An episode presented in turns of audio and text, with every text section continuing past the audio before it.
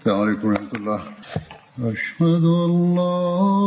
إله إلا الله وحده لا شريك له وأشهد أن محمدا عبده ورسوله. أما بعد فأعوذ بالله من الشيطان بسم الله الرحمن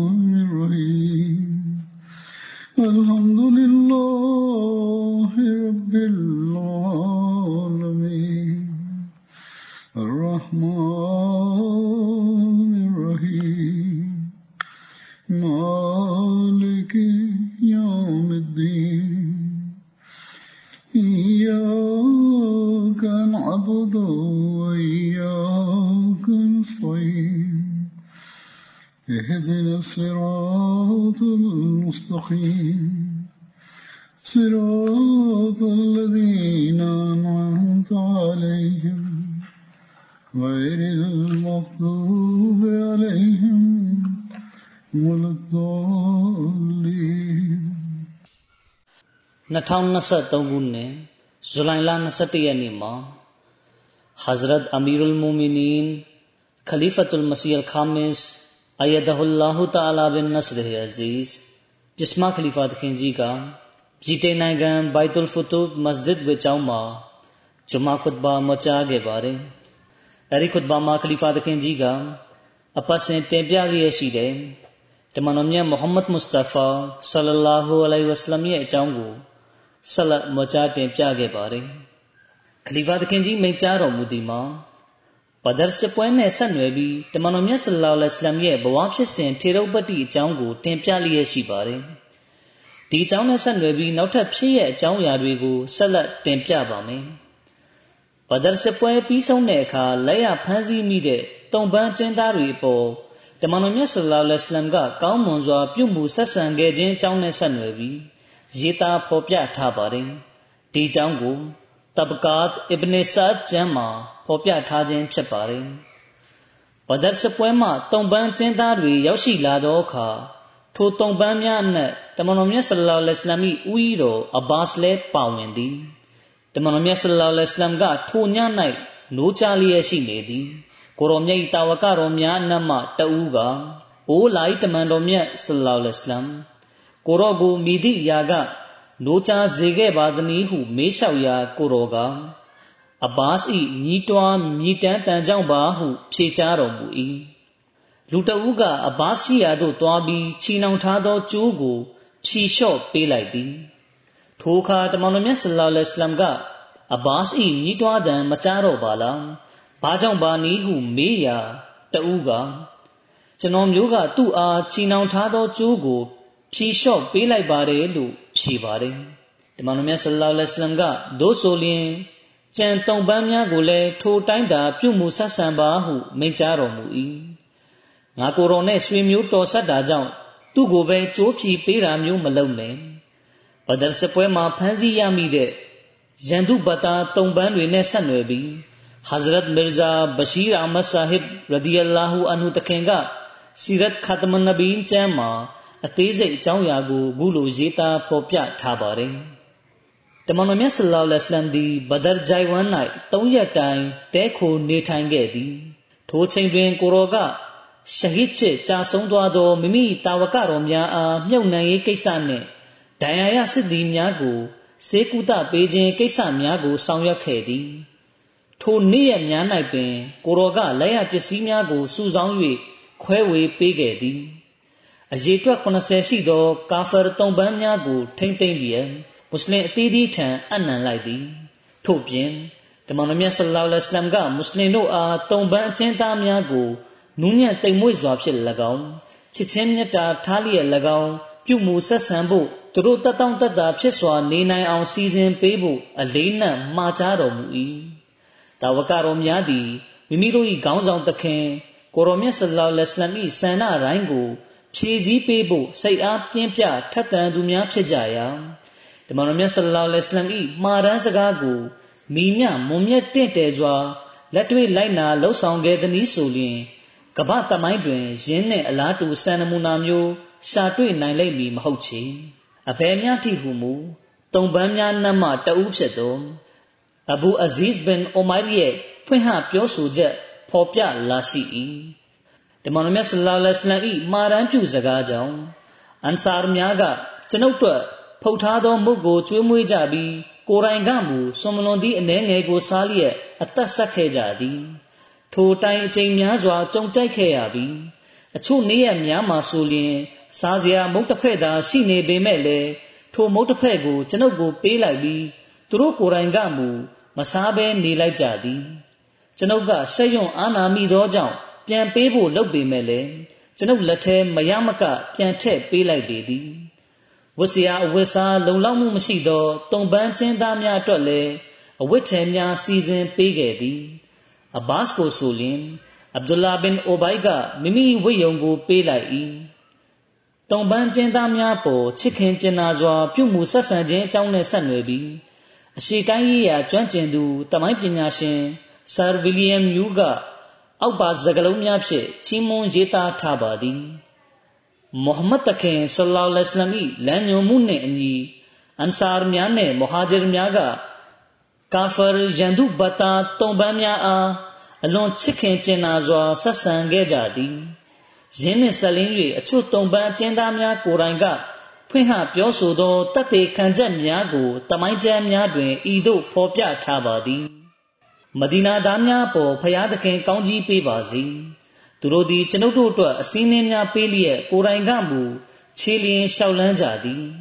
ကျွန်ုပ်တို့အတွက်စားစရာမုန့်နှင့်ဟင်းများကိုချက်ပြုတ်ကျွေးမွေးကြပြီးကိုယ်တိုင်ကမူဆွန်မလွန်သည့်အနေငယ်ကိုစားသုံးလျက်အသက်ဆက်ခဲ့ကြသည်ဆာဗီလီယမ်မြူးကဆက်လက်ရေးသားပါတယ်ဤအကြောင်းများကိုသိရှိရသည့်အတွက်မအံ့ဩကြလေနှင့် အချို့အကျဉ်းသားများသည်သူတို့ပေါ်မွတ်စလင်တို့၏ကောင်းမွန်စွာပြုမှုဆက်ဆံမှုကအကျိုးတရားမှုဖြစ်ခဲ့ပြီးသူတို့ကိုယ်တိုင်မွတ်စလင်ဖြစ်လာကြသည်တချို့အကျဉ်းသားတွေကသူတို့ပေါ်မွတ်စလင်တွေရဲ့ဆက်ဆံပုံကိုမြင်၍မွတ်စလင်ဖြစ်လာခဲ့ကြပါသည်ထို့သောသောလူများကိုချက်ချင်းလွတ်လပ်ခွင့်ပေးလိုက်သည်အစ္စလမ်ကိုတတ်ဝင်ယုံကြည်ခြင်းမရှိကြသောတုံပန်းအကျဉ်းသားများကလည်းမွတ်စလင်တို့၏ပြုမှုဆက်ဆံပုံကြောင့်အကျိုးတရားမှုဖြစ်ခဲ့လေသည် ဘဒရ်စစ်ပွဲရဲ့အရေးပါပုံနဲ့ထိရောက်မှုရှိခဲ့ပုံကြောင်းနဲ့ပတ်သက်ပြီးရေးသားဖော်ပြထားပါတယ်ဘဒရ်စစ်ပွဲအောင်နိုင်ကြောင်းသတင်းကောင်းကိုဆောင်၍အဗ္ဒူလာဘင်ရဝါဟာတခင်နှင့်ဇိုက်ဘင်ဟာရစ်ဆာတခင်တို့ကမဒီနာသို့ဝင်ရောက်လာသည်ထိုသတင်းစကားကိုကြားတော့ယဟူဒီတဦးဖြစ်သောအလာဟီရန်သူကအာဘ်ဘင်အရှရဖ်ကဤသတင်းမမှန်ဘူးဟုဆိုလျက်အကယ်၍မုဟမ္မဒ်ဆလ္လာလဟ်အလัยဟိဝါစလမ်က ကိုရိုက်အကြီးကဲခေါင်းဆောင်တို့အားတပ်ဖြတ်ခဲ့သည်ဆိုလျင်ငါတို့သည်ကဘာမြေကြီးအထက်တွင် နေသည်ထက်မြေကြီးထဲမှနေခြင်းကပိုကောင်းလိမ့်မည်ဆိုလိုသည်မှာအသက်ရှင်နေရခြင်းထက်တည်သွားသည်ကပိုကောင်းသေးသည်ဟုပြောလေသည်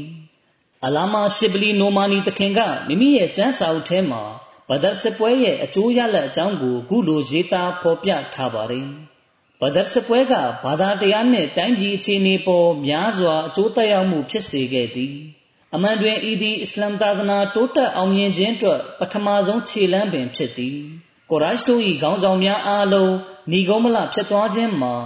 အစ္စလာမ်တိုးတက်အောင်မြင်ခြင်းအတွက်အလွန်အရေးပါသောအခန်းကဏ္ဍတစ်ခုတွင်ရှိနေ၏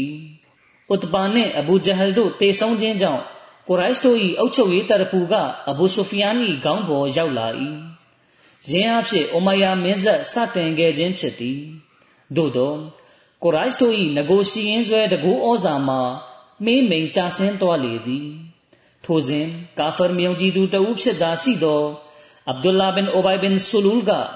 မွတ်စလင်အရေးချုံလျက်အစ္စလမ်ပရဝွန်တွင်သို့ဝင်ရောက်လာလေသည်ဘဒရ်စပွဲအောင်နိုင်တဲ့အခါသူလည်းပဲအရေးချုံလျက်အစ္စလမ်ကိုလက်ခံလိုက်ပါတယ်သို့သော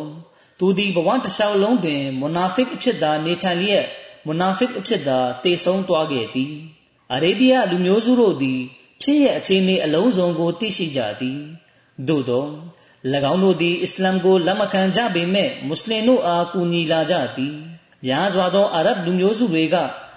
မွတ်စလင်မဖြစ်လာကြပေမဲ့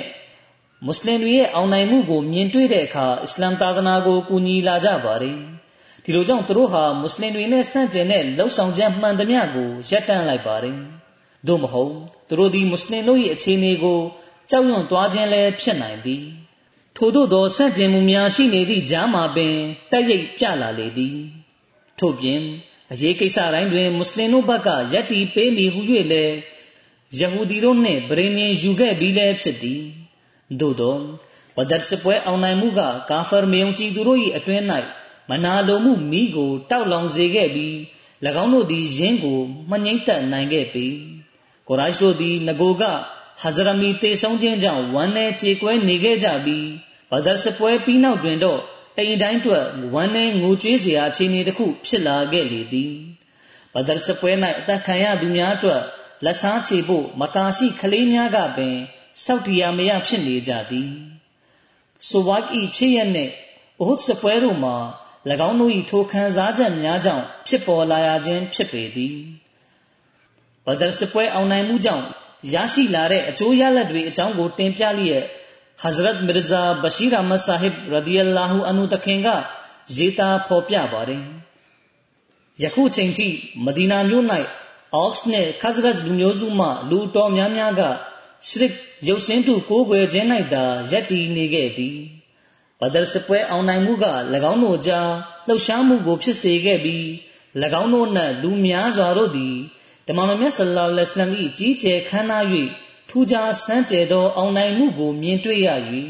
အစ္စလာမ်သာသနာ၏မှန်ကန်မှုကိုယုံကြည်လက်ခံလာကြသည်ထိုသည့်နောက်တွင်မဒီနာမြို့၌ရုပ်စင်းတုကိုးကွယ်သူများတစတစယောနေလာလေသည်ဤအစ္စလမ်အောင်ပွဲကမကာသားများအနက် အချို့၏နှလုံးသားအတွင်း၌မနာလိုဝင်တုံမှုမိကိုတောက်လောင်စေခဲ့သည်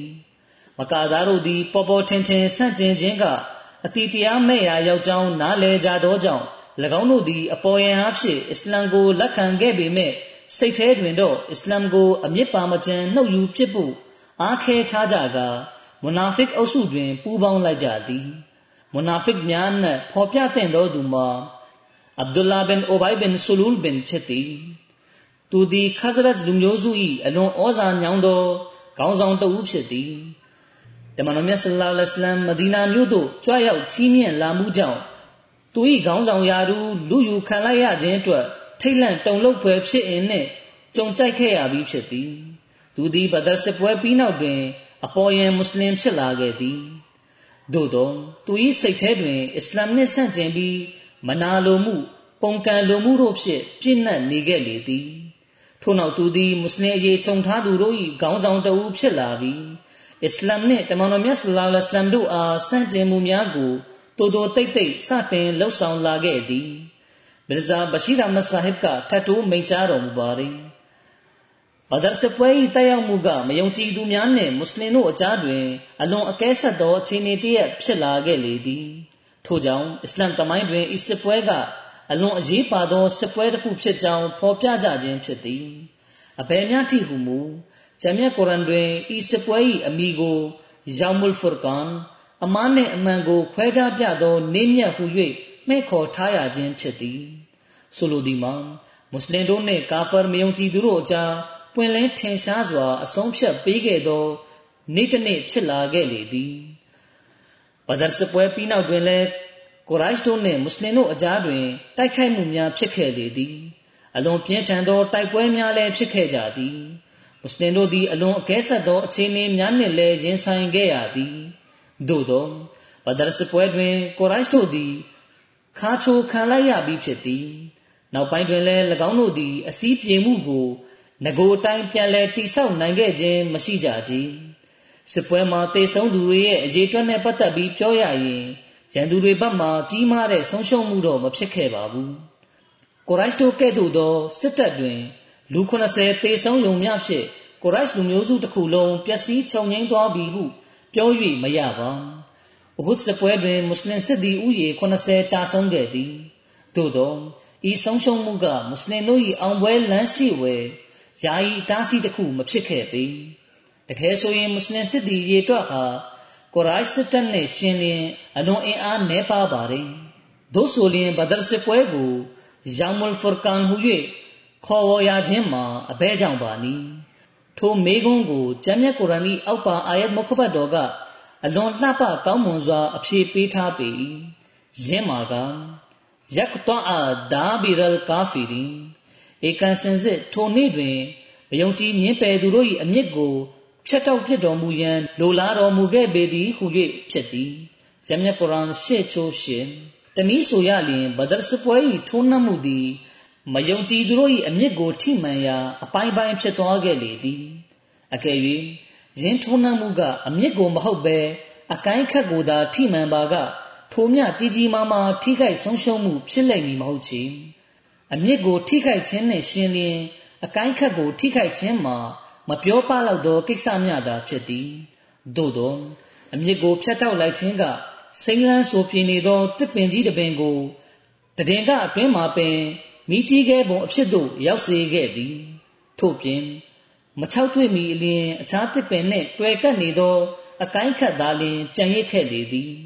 ထို့ကြောင့်ဘဒရစစ်တလင်းတွင် ပေါ်ပေါက်ခဲ့သောကိုရိုက်တို့၏ဆုံးရှုံးမှုကို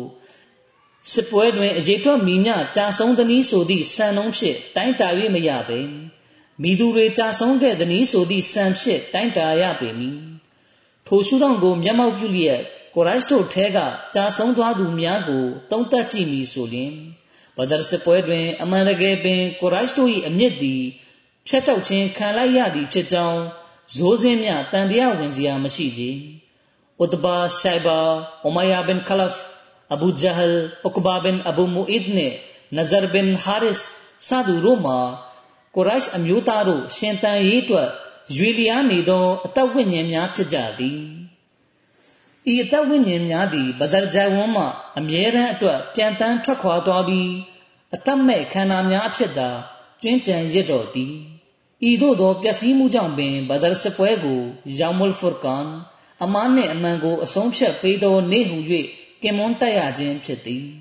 ဒီကြောင့်နဲ့ဆက်နွယ်ပြီးမွတ်စလင်မာဦးရဒီအလာဟူအန်ဟူတခင်ကလည်းရေးသားထားပါတယ်မွတ်စလင်မာဦးတခင်မိန့်ကြားတော်မူပါတယ်ဤဒီချမ်းမြတ်ကုရ်အာန်၌အလရှမြတ်ကဖူရကန်ဟူ၍ကင်မွန်းတက်ခေါ်ဝေါ်ခြင်းခံရသောစစ်ပွဲဖြစ်ပေသည်ထို့ပြင်ဤဒီပင်အစ္စလာမ်ဆိုသည့်အမီနာမကိုအမြဲတမ်းအတွက်တမိုင်းစာမျက်နှာမှဖြောက်ဖြက်ပြင့်ပြီဟုကြုံဝါ၍မိမိတို့နေအိမ်မှထွက်လာခဲ့ကြသော အာရဗ်ခေါင်းဆောင်တို့ကိုယ်တိုင်မရှုမလပြတ်သုံးခဲ့ရသောစစ်ပွဲဖြစ်ပေသည်၎င်းတို့မိတို့ပြတ်သုံးခဲ့သည်နည်းဟုမူသူတို့၏နာမည်ကိုပင်လူတို့မေသွားသည့်အထိဖြစ်ခဲ့သည်အကယ်၍တစုံတဦးကသူတို့၏နာမည်တွေကိုမမိသည်ဆိုရင်လည်းသူတို့နှင့်ပတ်သက်ဆက်နွယ်မှုမှာမိမိတို့အတွက်ဂုဏ်ယူစရာတစ်ခုမဟုတ်ဘဲရှက်ရွံ့စရာကိစ္စတစ်ခုဖြစ်တွေးလာကြလေသည် အချုပ်ဆိုရတော့ ဤစစ်ပွဲတွင်အလရှမြတ်သည်မွတ်စလင်တို့အားကြီးကျယ်ခမ်းနားသော အောင်ပွဲတစ်ခုကို ပေးသနာခဲ့လေသည် Hazrat Muslim Maud radiyallahu anhu တခင်မိန့်ကြားတော်မူပါသည်ဘဒရစစ်ပွဲပြီးနောက်တွင်လည်းမွတ်စလင်တို့သည်ဖိနှိပ်နှင်းပန်းမှုဒဏ်ကိုခံခဲ့ရသည်ဆိုရမှာလုံးဝအုပ်တုံမှန်သောကိစ္စတစ်ခုဖြစ်သည်ထို့ပြင်မွတ်စလင်တို့သည်ကာဖာမယုံကြည်သူတို့နှင့်တိုက်ခိုက်ခဲ့ရသည်သို့သောဘဒရ်စပွဲက ကာဖာမယုံကြည်သူတို့၏တကူအာနာကို လုံးဝအုပ်တုံချိုးဖျက်ခဲ့သည်ဆိုရမှာလဲတန်တရားမရှိမှန်ကန်ပါ၏ထို့ပြင်မွတ်စလင်တို့၏တကူဩဇာက၎င်းတို့ပေါ်လွှမ်းမိုးသွားခဲ့လေသည်ဂျမ်းမြတ်ကုရ်အာန်၌ဖူရကန်ဟုရည်ညွှန်းဖော်ပြထားသောဘဒရ်စပွဲနှင့်ဆက်လင်း၍တမန်ကျမ်းတွင်လည်းအနာဂတိစကားဖော်ပြထားကြောင်းတွေ့ရှိရပေသည်ယင်းနှင့်ဆက်လင်း၍ဟေရှာယအနာဂတိကျမ်းအခန်းကြီး21 အခန်းငယ်73မှ18တွင်ဤသို့ရေးသားထားပေသည်အာရဗ်ပြည်နှင့်ဆိုင်သောဗျာဒိတ်တော်ကခရီးသွားသောဒေတန်လူစုတို့အသင်တို့သည်အာရဗ်တော်၌မြစ်ကိုလွန်စေကြရမည်တေမပြည်သားတို့ရေငတ်တော်သူဖို့ရေကိုယူခဲ့ကြ၏ပြေးသောသူကို မုံနှင့်စီး၍ကြိုးကြသည်အကြောင်းမူကားသူတို့သည်ဓာဘေးမှ၎င်းထုတ်သောဓာ တင်သောလေအလွန်ခတ်သောစစ်မှုမှ၎င်းပြေးကြ၏သာဝရဖျားသည်ငါအားမိန်တော်မူသည်ကားအခါစားသောသူရေတွက်သည့်အတိုင်းတနစ်တွင်ကေဒါမြို့၏ဘုံအသေးရှိသည်မြကွဲပြောက်၍ကြံတွင်သောကေဒါအမျိုးသားလေးဆွဲတရေတို့သည် အလွန်နဲကြလိမ့်မည်ဟုဣသရေလအမျိုး၏ဖျားသခင်သာဝရဖျားမိန့်တော်မူ၏မွတ်စလင်မာဦးရဒီယလာဟူအန်ဟူသခင်ကမိန့်ကြားတော်မူပါသည် Prophet ဟေရှာယ၏ဤမိန့်ကြားချက်စကားတွင်ဟစ်ဂျရတ်ပြုပြောင်းရွှေ့နေထိုင်ပြီးတကာလတနှစ်ကြာ၌အာရေဗျမှာကေဒါဤဂုံအတရေကို ထိခိုက်ရောပါစေမိစစ်ပွဲတစ်ခုဖြစ်ပွားလိမ့်မည်ဟုကြိုတင်ဟောကိန်းပြုထားပေသည်တမန်တော်မြတ်ဆလ္လာလဟ်အလိုင်းအားထွက်ပြေးသွားပြီဟုဆွဆွဲပြောဆိုသူများကိုယ်တိုင်ပင်မိမိတို့၏စစ်တပ်ကိုစွန့်ထား၍ထွက်ပြေးကြလိမ့်မည်ထိုချိန်ဒီမှာလည်း၎င်းတို့၏တရင်မှုများနှင့်စစ်ဦးစီးများ၏အလောင်းများ မြေပြင်၌ပြန်ကျဲနေသော အနေအထားတွင်ဖြစ်လိမ့်မည်နောက်ဆုံးတွင် မကာဂျိုင်ဝွန်သည်စစ်ဦးစီးများကို ဆုံးရှုံးရပြီးလျှင်၎င်းတို့၏ငကိုစီရင်ဆွဲတကိုးအင်အားတို့မိမိန်ပပျောက်သွားသည့်အထိဖြစ်သွားပေလိမ့်မည်ထိုနည်းတူဂျမ်းမြတ်ကုရ်အန်တွင်လည်းညစကညနှင့်ဆက်လင်း၍ဤသို့ကြိုတင်ဟောကိန်းပြုထားပေသည်ဟစ်ဂျရတ်ပြုပြောင်းရွှေ့ပြီးတနှစ်တင်းတင်းပြည့်သောနှစ်တွင် မယုံကြည်သူတို့၏တကိုးအင်အားတို့မှာကျိုးဖြတ်သွားလိမ့်မည်ဖြစ်ပြီးမွတ်စလင်တို့အတွက်အောင်ပွဲများထင်ရှားလာပေလိမ့်မည်ထို့သောဖြင့်ဟစ်ဂျရတ်ပြုပြောင်းရွှေ့ပြီးနောက်တနှစ်ကြာတွင်ဘဒရ်စစ်ပွဲဖြစ်ပွားခဲ့လေသည်ထိုစစ်ပွဲတွင်မယုံကြည်သူတို့၏အကြီးဆုံးဆိုသည့်ခေါင်းဆောင်များအသက်ခံခဲ့ရလေသည်ထို့သောဖြင့်မွတ်စလင်တို့သည်ကြီးကျယ်ခမ်းနားသောအောင်နိုင်မှုကိုရရှိခဲ့သည်သခင်ကြီးဆက်လက်မိန့်ကြားတော်မူပါတယ်စဉ်းစားကြလေကုန် မဒီနာသို့ပြောင်းရွှေ့လာပြီးနောက်ပထမဆုံးအကြိမ်လာမည့်ရမ်ဇန်မတိုင်မီဤချိုတင်ဟောကိန်းပြုချက်မှာ10နှစ်တိုင်ခဲ့ပြီဖြစ်သည်ရမ်ဇန်လ17နှစ်မြောက်စတင်ခဲ့သည်ဤနှစ်ကုန်လွန်ပြီး17နှစ်အစရမ်ဇန်18ရက်နေ့တွင်ဘဒရ်စစ်ပွဲဖြစ်ပွားခဲ့လေသည်ထိုစစ်ပွဲ၌ကာဖာအကြီးကဲခေါင်းဆောင်များအသက်ခံခဲ့ရလေသည်၎င်းတို့၏ကြမ်းကြုတ်ရက်ဆက်သော မတရားသဖြင့်တိုက်ခိုက်မှုများသည် အဆုံးသတ်ဏီကုန်းချုပ်ခဲ့လေသည်မွတ်စလင်တို့အပေါ်လွှမ်းမိုးခဲ့သောညစကညသည်တနစ်အကြာတွင် ဝေးလွင့်ပျောက်ကွယ်သွားခဲ့လေသည်ထို့ပြင်မွတ်စလင်တို့သည်အလရှမိတ်ဖဇလ်ကျေးဇူးတော်အရှင်ကူညီဆောင်မမှုဖြင့်အောင်ပွဲ၏အာယုံဦးအလင်းရောင်ကို မြင်တွေ့ခဲ့ရလေသည်ဘဒရ်စပွဲတွင်ပါဝင်ခဲ့တဲ့တာဝကတော်တွေရဲ့ထူးမြတ်တာလွန်မှုတွေအကြောင်းနဲ့ဆက်နွယ်ပြီးရေးသားဖော်ပြပါတယ်။ ကောင်းကင်တမန်ဂျေဘရာအီလ်ကတမန်တော်မြတ်ဆလ္လာလဟ်အလိုင်းထံတက်ဆင်းလာပြီးတမန်တော်မြတ်ဆလ္လာလဟ်အလိုင်းအားမွတ်စလင်များနဲ့ဘဒရ်စပွဲတွင် ပါဝင်သူများကိုမိသည့်ဂုံဆင့်ပေးထားပါသနည်းဟုမေးရာကိုတော်ကသူတို့သည် အမွန်မြတ်ဆုံးသောမွတ်စလင်များဖြစ်ကြသည်ဟု ဖြေကြားတော်မူခဲ့သည်ထိုအခါကောင်းကင်တမန်ဂျေဘရာအီလ်ကထိုနည်းတူစွာဘဒရ်စပွဲတွင် ပါဝင်ခဲ့သော ကောင်းကင်တမန်များသည်လည်းကောင်းကင်တမန်များ၌ အမွန်မြတ်ဆုံးသော ကောင်းကင်တမန်များဖြစ်ကြသည်ဟုဆိုလေသည်ခလီဖာသခင်ကြီးဆက်လက်မိန့်ကြားပါသည်ယခုကျွန်တော်တင်ပြမယ့်အကြောင်းအရာကအလီသခင်နဲ့ပတ်သက်တဲ့အကြောင်းမှာယခင်ကတင်ပြခဲ့ပြီးဖြစ်ပါတယ်ဒီနေရာမှာတင်ပြဖို့လိုအပ်တာကြောင့်ထပ်ပြီးတင်ပြလိုက်ပါမယ်အလီသခင်ကအခုလိုပြောပြတာကိုကြားသိခဲ့ရကြောင်းအိုဘိုင်ဒူလာဘင်အဘီရာဖီသခင်ကဆင့်ပြန်ပါတယ်အလီသခင်ကပြောပြပါတယ် တမန်တော်မြတ်ဆလ္လာလဟ်အလัยဟ်ကကျွန်ုပ်ကိုဇူဘိုင်မစ်ဒါဒ်ဘင်အစဖတ်တို့နဲ့အတူဆေလွတ်လိုက်ပါတယ်ကိုရောကအသင်တို့သည်ရိုဇိုင်ခါကအရက်တို့ရောက်ရင်ကလောက်စီးလာသောအမျိုးသမီးတဦးနဲ့တွေ့လိုက်မယ်သူ့ထံမှာစာတစောင်ရှိပြီးထိုစာကိုယူလိုက်ပါဟုမှားချပါတယ်ဒီခါကျွန်တော်တို့ဟာမြင်းစည်းလျက်အလင်းမြန်ပဲထွက်ခွာသွားခဲ့ပါတယ်ဒီလိုနဲ့ရိုဇိုင်ခါတို့ရောက်တဲ့အခါကလုံးစီးလာတဲ့အမျိုးသမီးကိုတွေ့လိုက်ရပါတယ် ကျွန်တော်တို့ကသူ့အားစာကိုထုတ်လိုက်ပါလို့ပြောတဲ့အခါသူကကျမစီမှာဘာစာမှမရှိဘူးလို့ဖြေတယ်ကျွန်တော်တို့ကအသင်စာကိုထုတ်ပေးရလိမ့်မယ်ဒီလိုမဟုတ်ရင်အသင်ရဲ့အဝတ်စားတွေကိုဆုပ်ဖြဲပြီးရှာဖွေရလိမ့်မယ်ဆိုပြီးပြောလိုက်ပါတယ်ဒီခါမှအဲ့ဒီအမျိုးသမီးကသပင်ထဲမှာဝှက်ထားတဲ့စာကိုထုတ်ပြီးပေးပါတယ်ဒီခါကျွန်တော်တို့ကစာကိုယူပြီးတမန်တော်မြတ်ဆလ္လာလဟ်အလိုင်းထံသို့ပြန်လာခဲ့ပါတယ်စာကိုဖွင့်ဖောက်ဖတ်ကြည့်တဲ့အခါ စာထဲမှာဟာတစ်ဘင်အဘီဘလ်တာမတမန်တော်မြတ်ဆလ္လာလဟ်အလိုင်းရဲ့ရည်ရွယ်လှုပ်ဆောင်ချက်တွေနဲ့ပတ်သက်ပြီးမကာမြို့မှမွတ်စလစ်တဦးထံတရင်ပေးထားတဲ့စာဖြစ်ပါတယ်ဒီခါတမန်တော်မြတ်ဆလ္လာလဟ်အလိုင်းကဟာတစ်ကိုဆင့်ခေါ်ခိုင်းလိုက်ပြီးအိုဟာတစ်ဒီစာကဘာသဘောပါနည်းဟုမေးရာဟာတစ်ကအိုလိုက်တမန်တော်မြတ်ကျွန်တော်မျိုးကိုစီရင်ဖို့အလင်းစလိုဆောင်ရွက်ခြင်းပြုတော်မမူပါနဲ့ ကျွန်တော်မျိုးဟာကိုရိုက်တို့အတွင်း၌အခြေချနေထိုင်ခဲ့သူတဦးဖြစ်တယ်ဒါပေမဲ့ကျွန်တော်မျိုးကတော့ကိုရိုက်လူမျိုးတဲကမဟုတ်ပါမကာမာကိုရောအနီးပါးမှာရှိတဲ့မဟာဂျစ်တွေရဲ့ဆွေမျိုးသားချင်းများရှိကြပါတယ်သူတို့ဟာမူဟာဂျီရီရဲ့အိုးအိမ်စည်းစိမ်တွေကိုကာကွယ်စောင့်ရှောက်ပေးထားပါတယ်မကာသားတွေထဲမှာကျွန်တော်မျိုးနဲ့ဆွေမျိုးတော်ဆက်သူမရှိပေမဲ့လည်းကျွန်တော်မျိုး၎င်းတို့ကိုကျေးဇူးပြုလိုပါတယ် ထိုကျေးဇူးကိုထောက်ထား၍၎င်းတို့ကကျွန်တော်မျိုးကိုအလေးပေးဆက်ဆံတာကိုလိုလားတာကြောင့်ပါအစ္စလာမ်မှတွေ့ဖီ၍အယူဖောက်ပြန်သွားခြင်းကြောင့်ကျွန်တော်မျိုးခုလိုပြုလုပ်ခြင်းမဟုတ်ပါကျွန်တော်မျိုးဟာအစ္စလာမ်ကိုလက်ခံယုံကြည်ပြီးနောက်မှတဖန်ပြန်ပြီးတွေ့ဖီမှုဘက်သို့လုံးဝရိမ့်ညွတ်သွားမှာမဟုတ်ပါဘူးဆိုလိုတာကစစ်မှန်တဲ့စိတ်နှလုံးနဲ့အစ္စလာမ်ကိုလက်ခံယုံကြည်ပြီးနောက်ကိုဖာတွေ့ဖီမှုလောက်ရက်ကို နှစ်သက်လက်ခံလိုက်တာဟာဘယ်လိုနည်းနဲ့မှမဖြစ်နိုင်တဲ့ကိစ္စတစ်ခုဖြစ်ပါတယ်ဟာတစ်ရဲ့ရှောက်လဲချက်ကိုကြားသိရတော့ဓမ္မတော်မြတ်ဆလ္လာလဟ်အလัยဟိဝါစလမ်ကအတင်ဒီမှန်သောစကားကိုဆိုခဲ့လေပြီလို့မိန့်ကြားတော်မူပါတယ်။ဥမာတခင်ကအိုးလိုက်တမန်တော်မြတ်ကျွန်တော်မျိုးအားဒီမွနာဖစ်ရဲ့လေပင်ကို ခုတ်ပိုင်းခွင့်ပြုတော်မူပါလို့လျှောက်ထားရာဓမ္မတော်မြတ်ဆလ္လာလဟ်အလัยဟိဝါစလမ်ကသူသည်ဘဒရ်စစ်ပွဲတွင်ပါဝင်ခဲ့သည် အသင်ဘာများသိလို့ပါနည်းအလရှမြတ်သည်ဘဒရ်မှတာဝကတော်များအားမြင်တော်မူလေသောအခါအသင်တို့အလိုရှိသလိုပြုမူကြလေကုန်ငါရှင်သည်အသင်တို့၏အပြင်းငရဲများကိုဖုံးကွယ်ပေးတော်မူမည်ဟု အမိန့်တော်ရှိခဲ့ပါသည်ဆိုပြီးပြောကြားပါတယ်ဆိုလိုတာကသူတို့ဟာကြီးလေးတဲ့အဖြစ်တွေကိုတော့ကျူးလွန်ကြမှာမဟုတ်ဘူးသူတို့ဟာဘဝညီကုန်းကောင်းကြလိမ့်မယ်သူတို့ဟာကုဖရ်တေဖီခြင်းအခြေအနေဖြစ်တည်ကြလိမ့်မည်မဟုတ်ပါ ဟာတစ်တခင်ရဲ့အစ္စလာမ်ကိုလက်ခံယုံကြည်ပြီးနောက်ကုဖရ်တွေဖီခြင်းလောက်ရက်ကိုကျွန်တော်မျိုးနှစ်သက်လက်ခံမှာမဟုတ်ဘူးဆိုတဲ့ဇကားအဖြစ်လေသူဟာကြီးလေးတဲ့အပြစ်ကိုကျူးလွန်လိုက်မှာမဟုတ်ဘူးဆိုတဲ့အချက်ကထင်ရှားသွားခဲ့ပါတယ်အဘူဟူရိုင်ရာရဒီယလာဟူအန်ဟူတခင်ကဆင့်ပြန်ပါတယ်ဒီမောင်မြတ်ဆလ္လာလဟ်အလัยဟိဝါစလမ်ကအခုလိုမိန့်ကြားတော်မူပါတယ်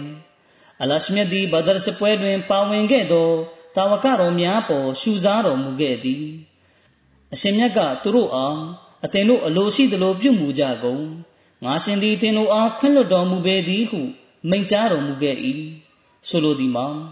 ကိုဖော်တွေ့ပြီးညင်ပယ်ခြင်းအခြေအနေမှလွဲ၍တာမန်အပြင်ငရဲများကိုငါရှင်ခွင့်လွှတ်တော်မူပေမည်တခြားစကားလုံးရပြောရရင်အလရှမြတ်ကသူတို့ဟာဘယ်တော့မှကိုဖော်တွေ့ပြီးညင်ပယ်မှုအခြေအနေသို့ပြန်လဲကြလိမ့်မှာမဟုတ်ဘူးသူတို့ရဲ့ဘဝဏီကုန်းဟာကောင်းမြတ်လိမ့်မယ်ဆိုပြီး အာမခံချက်ပေးထားပါတယ်အလရှမြတ်ရဲ့မိန့်ကြားချက်ကလည်းဒီသဘောတရားအတိုင်းပဲဖြစ်ပါတယ်အကယ်၍တချို့သောအပြင်းမားတွေရှိခဲ့တဲ့ဆိုရင်တောင်ဒါကလူသားရဲ့အားနည်းချက်အမားမျိုးသာဖြစ်နိုင်ပါတယ်အလရှမြတ်ကသူတို့ရဲ့အဖြစ်တွေကိုခွင့်လွှတ်ပေးတော်မူမှာဖြစ်တယ်အမ္မုလ်မူမီနီမုံမင်တို့မိခင်မွန်ဟဖ်ဆာတခင်မကဆင့်ပြန်ပါတယ်တမန်တော်မြတ်ဆလ္လာလဟ်အလိုင်းမ်ကအခုလိုမိန့်ကြားတော်မူပါတယ် ဘဒရ်စပွဲနှင့်ဟူဒိုင်ဘီယာငြိမ်းချမ်းရေးစာချုပ်ချုပ်ဆိုစဉ်မှာပါဝင်ခဲ့ကြသူများအနက်မိသူမြငရဲမီတွင်ဝင်ရောက်ကြလိမ့်မည်မဟုတ်ကြောင်းငါကိုယ်တော်မျှော်လင့်မိပါသည်ထိုအခါကျွန်ုပ်ကအိုလိုက်တမန်တော်မြတ်ဆလ္လာလဟ်အလัยဟ်အလရှမြတ်ကဝအင်မင်ကွမ်အလ္လာဝါရီဒူဟာကာနာအလာရဘ်ဘီကာဟတ်မန်မကဒီယာစင်စင်အသင်တို့အဖြစ်ရှိသူများအနက်ရင်း၌မကြရောက်မိသူဟု၍မိသူများမရှိကြ ဤကအသင်အားဖန်ဆင်းမွေးမြူတော်မူသော အရှင်မြတ်ကစီရင်ဆုံးဖြတ်ပြီးဖြစ်သောတောင်ဝင်တရက်ပင်ဖြစ်၏ဟု၍မိန့်ကြားတော်မူထားပါသည်ဟုလျှောက်ထား၏ဂျမ်းမြကုရ်အန်16ချို90ထိုအခါကိုရောကအသင်တို့အလရှနီဤမိန့်ကြားချက်ကိုရောမကြားကြပေသလောဟုမိန့်တော်မူ၏ထိုမိန့်ကြားချက်မှာကသုမ္မာနုနဂျ်လဇီနတ်တကော ونذر الظالمين فيها جثيا ထို့နောက်ငါတို့သည်တကွာဖြူစင်ဖြောင်းမှတ်ခြင်းတရားကိုကျင့်သုံးသူတို့အားကဲ့တင်တော်မူမည်တို့ရာတွင်အဖြစ်ကျူးလွန်သူတို့ကိုရင်း၌ဒူးထောက်စေလျက်ဆွန်ထားတော်မူမည်ကျမ်းမြတ်ကုရ်အာန်16ချိုး83ဥမရတခင်ရဲ့ခေတ်ကာလမှာလည်းတာဝကတော်တွေကိုဝဇီဖာလက်ဆောင်ဝေပေးတဲ့အခါဘဒရ်စပွဲမှာပါဝင်ခဲ့ကြတဲ့တာဝကတော်တွေအတွက် အခြားလူများနဲ့မတူ အထူးလက်ဆောင်ဝေကိုတတ်မှတ်၍ပေးခဲ့ပါတယ်ဘဒရ်စပွဲမှာပါဝင်ခဲ့ကြတဲ့တာဝကတော်တွေကိုယ်တိုင်ကလည်းမိမိတို့ဘဒရ်စပွဲမှာပါဝင်ခဲ့ရတဲ့အတွက်အလွန်ဂုဏ်ယူကြပါတယ်ဒီကြောင့်နဲ့ပတ်သက်ပြီးစာဗီလီယံမြူးကရေးပါတယ်ဘဒရ်စပွဲတွင်ပါဝင်ခဲ့ကြသောတာဝကတော်များသည်အစ္စလမ်သာသနာတော်၌အလွန်ထူးခြားသောတပ်သားများဖြစ်ကြ၏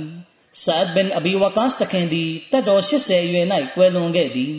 မကွယ်လွန်ခင်သူကဘဒရ်စပွဲဖြစ်ပွားသည့်နေ့၌ငါဝစ်စင်ခဲ့သောဝစ်လုံကိုယူခဲ့ပါထိုဝစ်လုံကိုငါသည်ယနေ့ချိတိုင်တင်စီထားခဲ့ခြင်းဖြစ်သည်ဟုပြောလေသည်ထိုသည့်ဆအပ်သည်ဘဒရ်စပွဲဖြစ်ပွားခဲ့စဉ်ကအလွန်ငယ်ရွယ်သေးသောလူငယ်လေးတဦးမျှသာဖြစ်သည်နောက်ပိုင်းတွင်သူ့အားဖြင့်အီရန်အင်ပါယာကိုအောင်နိုင်ခဲ့သည် ထို့နောက်တွင်သူသည်ကူဖာမြို့ကိုထူထောင်သူနှင့်အီရတ်၏ဘယင်ခံဖြစ်လာခဲ့သည်သို့သောသူ၏အမြင်၌ထိုထိုသောဂုံတိတ်ခါတို့သည်ဘဒရ်စပွဲတွင်ပါဝင်ခွင့်ရခြင်းဆိုသည့်ဂုံနှင့်ရှင်လျင်မပြောပလောက်သောအရာတစ်ခုတစ်ဖွဲဖြစ်နေလေသည်သူသည်ဘဒရ်စပွဲအခါသမယ၌ဝိယုံခဲ့သောဝိလုံကိုအခြားအဝိဒဇာအားလုံးထက်ပိုပြီးတန်ဖိုးရှိကြောင်းမှတ်ပိုက်ထားခဲ့သည်သူ၏နောက်ဆုံးဆန္ဒမှာသူကွယ်လွန်သည့်အခါ ထိုဝိဆုံကိုခြုံပြီးမြုပ်နှံပေးဖို့ပင်ဖြစ်သည်ပဒရစပွဲမှာပါဝင်ခဲ့ကြတဲ့တာဝကတော်တွေရဲ့အရေးပါပုံနဲ့ဂုံဆင့်မြင်မာပုံကြောင်းကိုတမိုင်းဆင်ပြန်ချက်တစ်ခုအားဖြင့်ခံမှန်းသိရှိနိုင်ပါတယ်။တမန်တော်မြတ်ဆလ္လာလဟ်အလัยဟိဝါစလမ်ကဒီအွမ်မတ်မှာပွင့်ပေါ်လာမဲ့မဟဒီရဲ့နမိတ်လက္ခဏာဖြင့်မဟဒီထံတွင်ကျမ်းစာအုပ်တုပ်ရှိလိမ့်မည်။ထိုစာအုပ်ထဲတွင်ဘဒရ်တွင်ပါဝင်ခဲ့ကြသည့်တာဝကတော်အရေးအတွက်အတိုင်း373ယောက်၏နာမည်ကို ရေးမှတ်ထားလိမ့်မည်ဆိုပြီးသတ်မှတ်ထားပါတယ်။ဒီကြောင့်နဲ့ဆက်နွယ်ပြီးမစီမောဦးအလိုင်စလမ်တခင်ကမိန့်ကြားတော်မူပါတယ်။မဟဒီမာဦးထံတွင် ပုံနှိပ်ထားသောကျမ်းစာအုပ်တုပ်ရှိမည်ဖြစ်ကြောင်းမှန်ကန်သောဟာဒီစ်များတွင် ဖော်ပြလာရှိပါသည်။ယင်းစာအုပ်တွင်မဟဒီ၏တာဝကတော်373ပါး၏နာမည်ကိုဖော်ပြထားလိမ့်မည်။တို့ဖြစ်ရာထိုချိုတင်ဟောကိန်းမှာယနေ့ပြည့်စုံခဲ့ပြီဖြစ်ကြောင်းကြေညာရန်မဖြစ်မနေလိုအပ်ပါသည်။ ပုံနှိပ်တိုက်များမထွန်းကားမီအလျင်ကဤအမတ်တွင်မိမိကိုယ်ကိုမဟဒီဖြစ်ကြွေးကြော်သူတဦးတယောက်မျှမပေါ်ပေါက်ခဲ့ကြထို့ပြင်၎င်းတို့ထံတွင်373ပါးသောတာဝကတော်များ၏အမိကို ရေးထားသည့်ပုံနှိပ်ထားသော စာအုပ်လည်းမရှိခဲ့ကြတို့ဖြစ်ရာထိုတို့လှုပ်ဆောင်ရန်လူသား၏တတ်နိုင်စွမ်းအတွင်း၌ရှိမည်ဆိုလျင်တမန်တော်မြတ်ဆလ္လာလဟ်အလိုင်းဝါဆလမ်၏ထိုချိုတင်ဟောကိန်းက မိမိကိုရည်ညွှန်းနေသည်ဟုတတ်မှတ်ပြောဆိုနိုင်ပါသည်အမှန်မှာကအလရှမြတ်ဘက်ကပြဋ္ဌာန်းသောကြိုတင်ဟောကိန်းများတွင် အလွန်ထူးခြားစမ်းကြယ်ပြီးလူသား၏တက်ဆွမ်းနိုင်မှုထက်ပိုသောကန့်သက်ချက်များတိမ်မြုပ်ဖုံးကွယ်လျက်ရှိပြီးလျှင်ယင်းမှလိန်ညာသောသူတဦးကအကျိုးရယူခံစားနိုင်မည်မဟုတ်ချေထို့ပြင်ယင်းကြိုတင်ဟောကိန်းပြည့်စုံလာစေရန်မှန်ကန်သူတဦးကိုပေးသောအကြောင်းကံများနှင့် လိုအပ်သောအချက်လက်များကိုလိန်ညာသူတဦးအားပေးခြင်းမခံရကြ။ရှိတ်အလီဟမ်ဇာဘင်အလီတူစီကဟီဂျရီတက္ကရာ840ခုနှစ်မှာမိမိရေးသားပြုစုသောဂျဝါဟီရ်အစရာဆိုသည့်ကျမ်းတွင်ဂရီတော်ရမဟဒီနှင့်ပတ်သက်ပြီးမဟဒီသည်ကဒအာမီသောရွာမှပေါ်ထွန်းလိမ့်မည်ဟုရေးသားဖော်ပြထားသည်အမှန်အဖြစ်ကဒအာဆိုသည်မှာကာဒီယန်ဆိုသည့်စကားလုံး၏ပင်ရင်းစကားလုံးဖြစ်သည် ထိုစာအုပ်တွင်ရှိတ်အလီဟမ်ဇာကရေးသားသည်မှာအလရှမြတ်ကထိုမဟဒီအားထောက်ခံအားပေးမည်ဝေးလံသောနေရာမှသူ၏အဖော်မွန်များကို သူ့ထံရောက်ရှိလာစေမည်ထိုဖော်မွန်များ၏အရေးအတွက်မှာဘဒရ်စပွဲမှာပါဝင်ခဲ့သောတာဝကတော်အရေးအတွက်နှင့်တူညီလိမ့်မည်ဆိုလိုသည်မှာမဟဒီတာဝကတော်များသည်လည်း373ယောက်ရှိလိမ့်မည်၎င်းတို့၏နာမည်နှင့်အရေးသွေးများကို ပုံနှိပ်ထားပြီးဖြစ်သော စာအုပ်တွင် ရေးသားထားလိမ့်မည်တို့ဖြစ်ရာထို့ထက်အလျင်ကထိုအချက်များနှင့်ပြည့်စုံသောမိမိကိုယ်ကိုမဟဒီဟု၍ကြွေးကြော်သူတဦးတယောက်မျှမပေါ်ထွန်းခဲ့ကြထို့ပြင်၎င်းထံတွင်၎င်း၏အဖော်မွန်တာဝကများ၏နာမည်ကိုရေးသားထားသော ပုံနှိပ်ထားသည့်စာအုပ်လည်းမရှိခဲ့ကြသို့သောကျွန်ုပ်ဒီကထိုထက်အလျင်ကအာယနာကမာလာတေအစ္စလမ်ကျမ်းတွင် ကျွန်ုပ်၏အဖော်မွန်တာဝကတော်အရေးအတွက်373ပါး၏နာမည်ကိုရေးသားဖော်ပြခဲ့ပြီးဖြစ်ပါသည်တို့ဖြစ်ရာယခုတဖန်တသက်လက္ခဏာပြည့်စုံရန်အလို့ငါကျွန်ုပ်၏373ပါးသောတာဝကတော်နာမည်ကိုရေးသားဖော်ပြပါမည်ခလီဖာတခင်ကြီးမိန့်ကြားပါတယ်ဒါကိုမစီမောဒ်အစ္စလမ်တခင်ကြီးကအန်ဂျာမေအာသမ်ကျမ်းမှာဖော်ပြရေးသားထားတာဖြစ်ပါတယ်အဲဒီကျမ်းမှာတခင်ကြီးကထပ်တိုးမိန့်ကြားထားပါတယ် တရားမျှတစွာ တွေးခေါ်တတ်သူတိုင်းစဉ်းစားနားလည်ပါလိတမန်တော်မြတ်ဆလ္လာလဟ်အလัยဟိဝါစလမ်၏ထိုချိုတင်ဟောကိန်းကလည်းကျွန်ုပ်ထံတွင်လာရောက်ပြည့်စုံခဲ့ပြီဖြစ်သည်ထိုဟဒီစ်တော်တွင်ပါသောရည်ညွှန်းချက်ကိုဖွင့်ဆိုရှင်းလင်းတင်ပြရန်လိုအပ်ပါသည်ကိုရောမြတ်၏မိန့်ကြားချက်တွင်ဖော်ပြထားသောမဟဒီတာဝကတော်373ပါးစလုံးမှာအရေးသွေးပြေဝခြင်းဖြူစင်ဖြောက်မှတ်ခြင်းနှင့်တန်ရှင်းစင်ကြယ်ခြင်းတို့ရှိကြသည်၎ င်းတို့နှင့်တဦးကတဦးထပ်ပိုပြီးချစ်ခြင်းအလရှမြတ်တို့မိမိကိုယ်ကိုပုံအပ်ထားခြင်းနှင့်သာသနာအလုတ်ကျွေးပြုခြင်းစသည်တို့တွင်ပုံမတာလွန်သည်ကိုအရှင်မြတ်သာအသိရှိဆုံးဖြစ်ပါသည်တို့ဖြစ်ရာကျွန်ုပ်ရေးသားသောထိုစာအုပ်တွင်ဖော်ပြထားသည့်တာဝကတော်373ပါးမှာတမန်တော်မြတ်ဆလ္လာလဟ်အလัยဟိဝါစလမ်၏ကြိုတင်ဟောကိန်းထဲကအတိုင်းပင်ဖြစ်သည်ကြိုတင်ဟောကိန်းတွင်ကတာဆိုသည့်စကားလုံးပါရှိပြီးယင်းက ကာဒီယန်ဆိုသည့်ရွာကိုရည်ညွှန်းလျက်ရှိပေသည်တို့ဖြစ်ရာထိုဟဒီသ်တော်တစ်ခုလုံး၏ဆိုလိုရင်းသဘောမှာပွင့်ပေါ်လာမိဂရီတော်ရမဟဒီမှာကာဒီယန်တွင်ပွင့်ပေါ်လိမ့်မည်သူထံတွင်ပုံနှိပ်ထားသောစာအုပ်ရှိလိမ့်မည်ယင်းတွင်မဟဒီမာဦးသည့်တာဝကတော်373ပါး၏နာမည်ကိုဖော်ပြထားလိမ့်မည်ယင်းတွင်ထိုချိုတင်ဟောကိန်းပြည့်စုံလာအောင်လုပ်ခြင်းကကျွန်ုပ်၏တက်ဆွမ်းနိုင်မှုတွင်မရှိကြောင်း လူတိုင်းနားလည်သိရှိနိုင်ပါသည် ကျွန်ုပ်မမွေးဖွားမီနှစ်ပေါင်းထောင်ချီကာလကလေးကထုတ်ဝေဖြန့်ချီပြီးဖြစ်သောစာအုပ်တွင်ကျွန်ုပ်မွေးဖွားမီအရက်ဒေတာ၏နာမည်ကို ကာဒီယန်ဟုရေးသားဖို့ဆိုရမှာမဖြစ်နိုင်ပါထိုနည်းတူ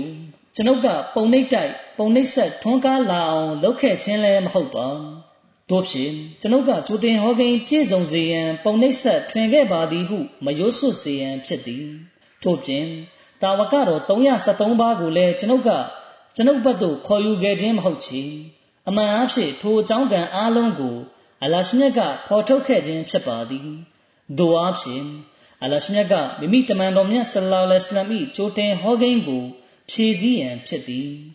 ဘဒရ်စပွဲနဲ့ပတ်သက်ပြီးတော့တမန်တော်မြတ်ဆလ္လာလဟ်အလัยဟိဝါစလမ်နဲ့မူဆာနဗီရဲ့တူညီမှုအကြောင်းကိုဖော်ပြလျက်မစီမောဒ်အလိုင်စလမ်တခင်ကမိန့်ကြားပါတယ်။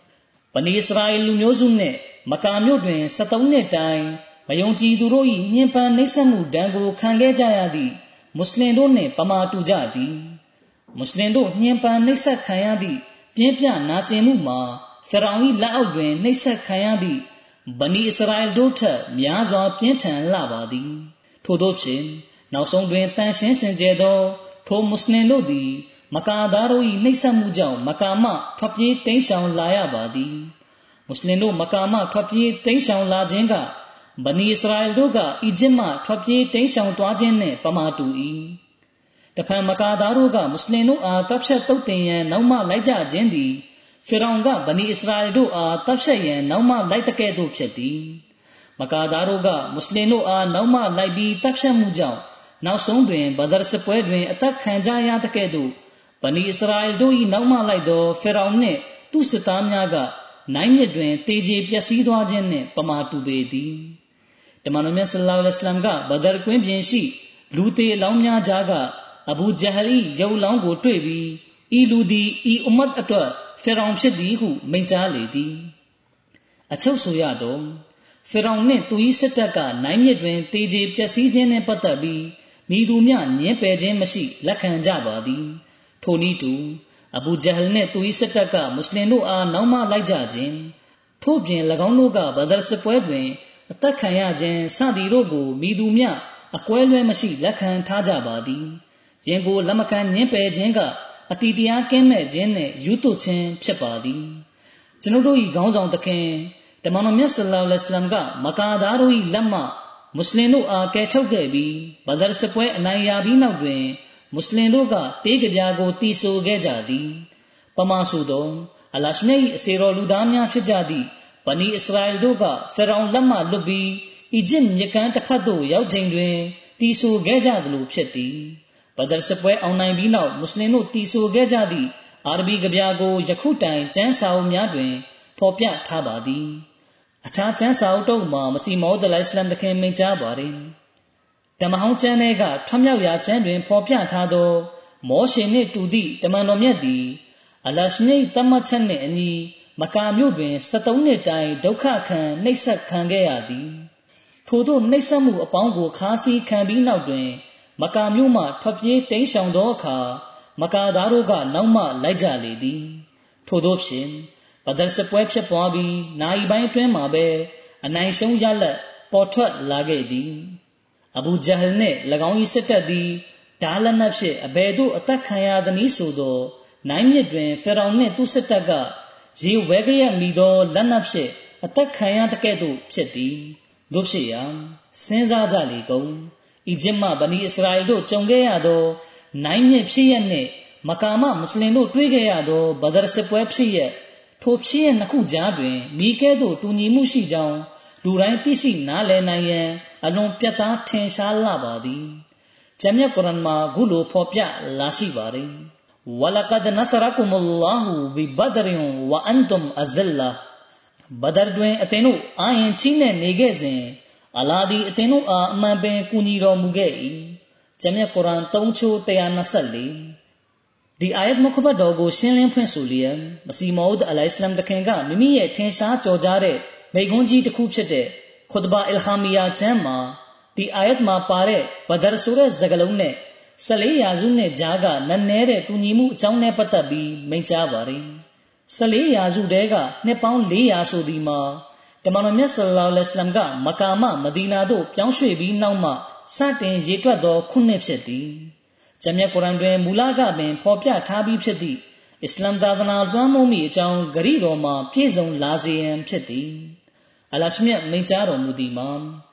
ဝလကဒ်နဆရကုမလ္လာဟူဘီဘဒရင်ဝအန်တုမ်အဇလ္လာဘဒရတွင်အသင်တို့အင်အားချင်းနဲ့နေခဲ့စဉ်အလာဒီအသင်တို့အားအမှန်ပင်ကူညီတော်မူခဲ့၏။ဂျမ်းမြတ်ကုရ်အန်3ချိုး124တို့ဖြစ်ရာမျက်စိအလင်းရှိသူများကဲ့သို့ဤအာယတ်ကိုအာယုံဆိုင်ဆင်ခြင်ကြကုန်အကြောင်းဆိုသောဤအာယတ်ကဘဒရနှစ်ခုကိုရည်ညွှန်းလျက်ရှိသောကြောင့်ဖြစ်သည် ပထမဘဒရမှာရှေးဦးလူတို့အတွက်အကူအညီပေးခဲ့ခြင်းကိုရည်ညွှန်းသည်